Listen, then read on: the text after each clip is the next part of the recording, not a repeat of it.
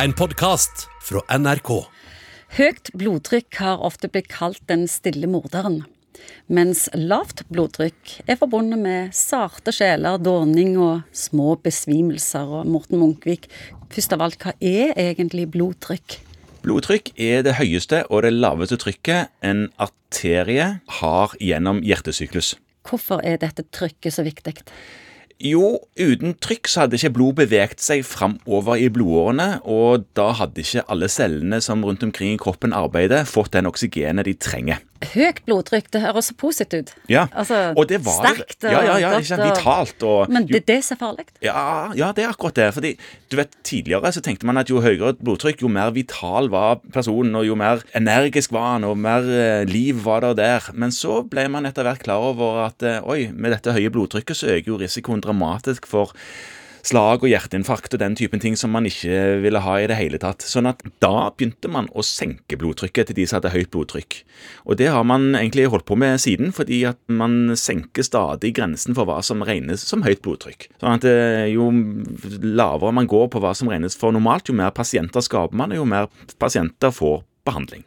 Hva er det som påvirker blodtrykket? Hva sier at du får det høyt og lågt? Ja, Det er jo akkurat det man stort sett aldri vet. Det er en egen sånn trykkbarometer som er satt i hodet. En slags barostat. Ikke en termostat som styrer temperaturen, men en barostat som styrer trykket.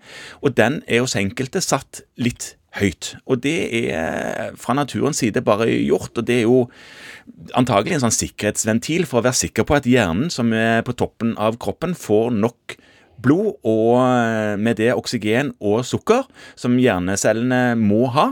Og ikke være redd for at eh, man får for lavt blodtrykk, for da eh, trykker man på svenskeknappen og besvimer. Ja, hva er så positivt med det? For legene sier at lavt blodtrykk er ikke farlig, men hvis du driver dåner og svimler når du reiser deg opp Ja, det er klart, Leger sier at lavt blodtrykk ikke er farlig, så fremt du ikke gjør de tingene du nevnte nå. Så lenge du ikke svimler eller dåner eller besvimer av det. Dåning, vet du, det er en bevisst sammenfalling. Det, ja. det er sånn strategigreie. Men, men en besimelse, det skal man ikke holde på med.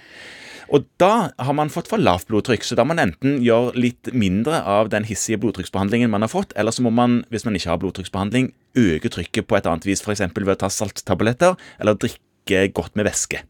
Hvorfor stiger høyt blodtrykk med alderen? Fordi blodårene blir stivere, sånn at de, de gir etter. Og trangere gjerne òg. Ja, kanskje trangere òg, det kan du godt si, men det viktigste er at de blir stive, og da gir de litt mindre etter for trykk, sånn at trykket blir høyere i veggen når blodet går og pumper gjennom. Stadig flere går på apotekene og kjøper seg blodtrykkmåler og sjekker sjøl. Hva tenker du om det? Når man måler hjemme, så tenker jeg at det er kjempebra å få målt et trykk hjemme, som er der pasienten slapper av, hvor man antagelig måler det retteste blodtrykket. Men noen ganger så blir det litt vanskelig å oversette det trykket til hva man skal gjøre med et sånt et trykk.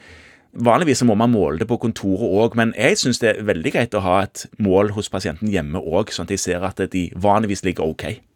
Hva kan en person gjøre sjøl for å regulere blodtrykket?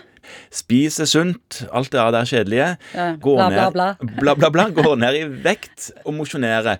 Og jeg tror folk har litt godt av å høre det bla, bla, bla-greiene, fordi det er det viktigste, og det vil i alle fall ikke ha medisiner. Og det er en god ting. Det er en veldig god ting. Det er bivirkninger med alle medisiner. Du har hørt en podkast fra NRK. Hør flere podkaster og din NRK-kanal i appen NRK Radio.